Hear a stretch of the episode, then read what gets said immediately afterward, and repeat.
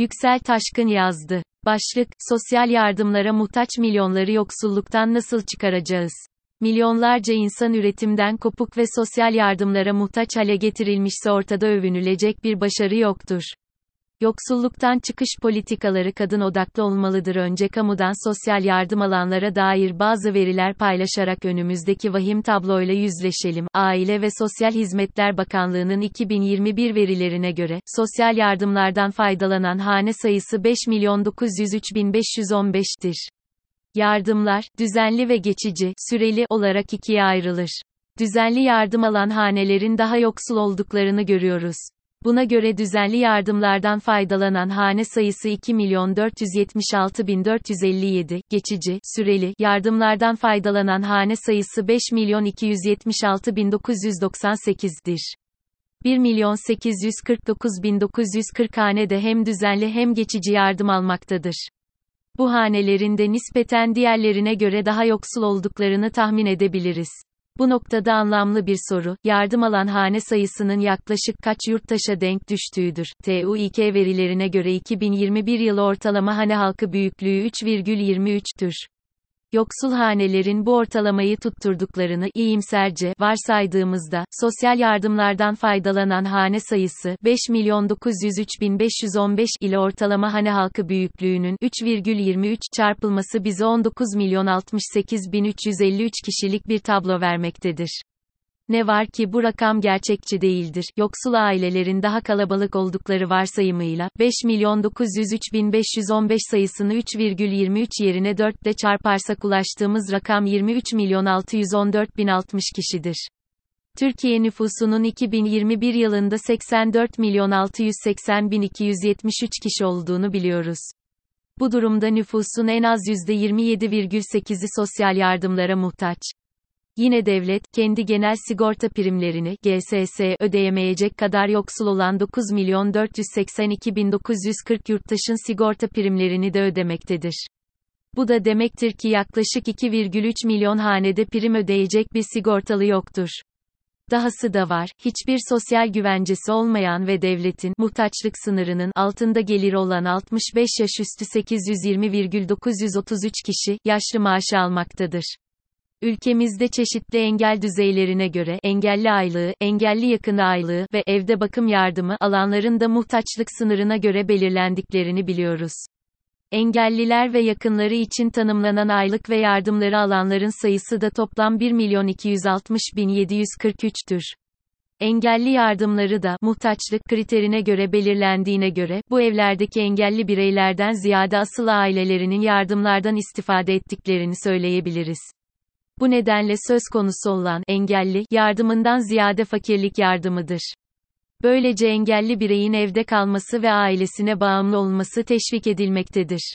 Şimdi yukarıda sunduğum tabloyu bir daha gözden geçirelim. Sosyal yardım alanların yanında, yaşlılık maaşı, engellilik düzeyine göre engelli maaşı, engelli yakını maaşı ve evde bakım yardımı alanların sayısı 2 milyon 81 bin 676'dır. Kamuoyunda genellikle asgari ücretin belirlenmesinin sadece çalışanları ilgilendirdiğine dair yaygın bir kanaat vardır. Oysa asgari ücret belirlendiğinde yukarıda bahsi geçen yardım miktarları ve aylıklar da artmaktadır. Böylece asgari ücret artışını bekleyenler sadece çalışanlar değil, sosyal yardım almadan geçinemeyen, muhtaç ailelerdir.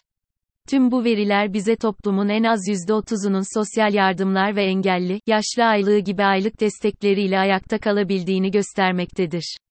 Yoksulluktan çıkışın iki SINANMIŞ yolu vardır. Kamusal eğitim ve güvenceli istihdam daha önce iktidar partisinin yoksulluğu aşmak gibi bir derdi olmadığını, seçim kazanmak için yoksulluğu idare ve istismar ettiğini vurgulayan yazılar kaleme aldığım için bu konuya girmiyorum.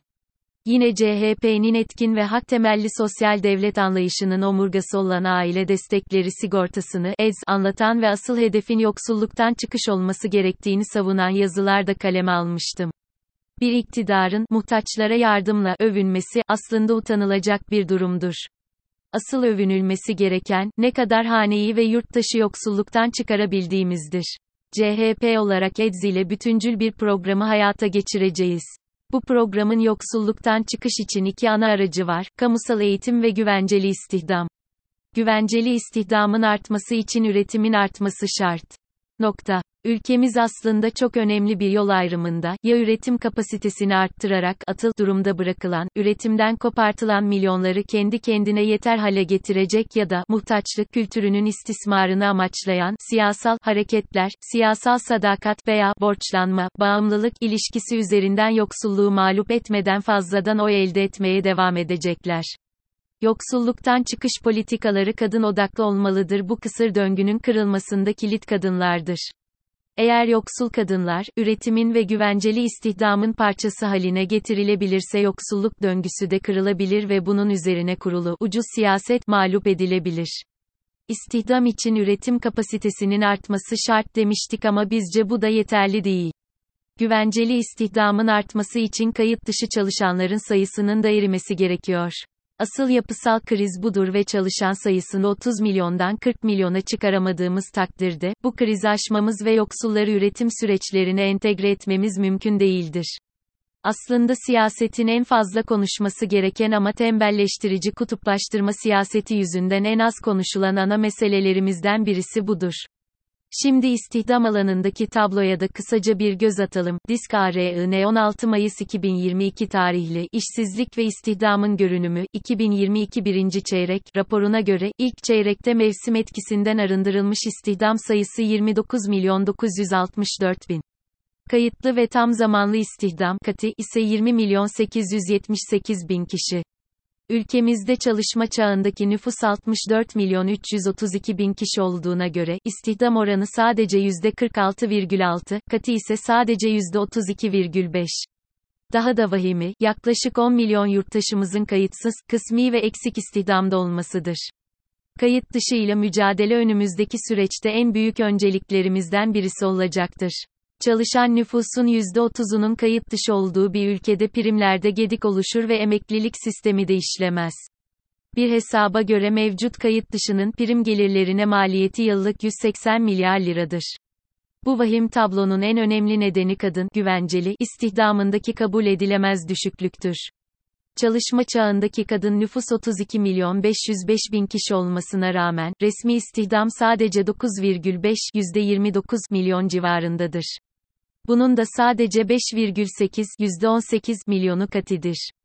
İnsani Gelişmişlik Endeksinde üst sıralarda yer alan tüm ülkelerde kadınlarda primli istihdam %40'ın üzerindedir. Dolayısıyla sosyal demokrasinin kadınları güvenceli istihdama katma ısrarı aslında temelde bir gelişmişlik sorunudur da. Sigortalı kadın istihdamını arttırmak CHP'nin en önemli önceliklerindendir. Öncelikle tarımda kadın ve genç istihdamını desteklemek için primleri devletin üstleneceği bir sistem kuracağız. Amaç tarımda özellikle kadın, genç ve çocukları olumsuz etkileyen kayıt dışının devletin kaldıraç işlevi üstlenmesiyle azaltılmasıdır. Üretim arttıkça kırsal kalkınma da artacak, çok sayıda yurttaş üretimin parçası kılınacak.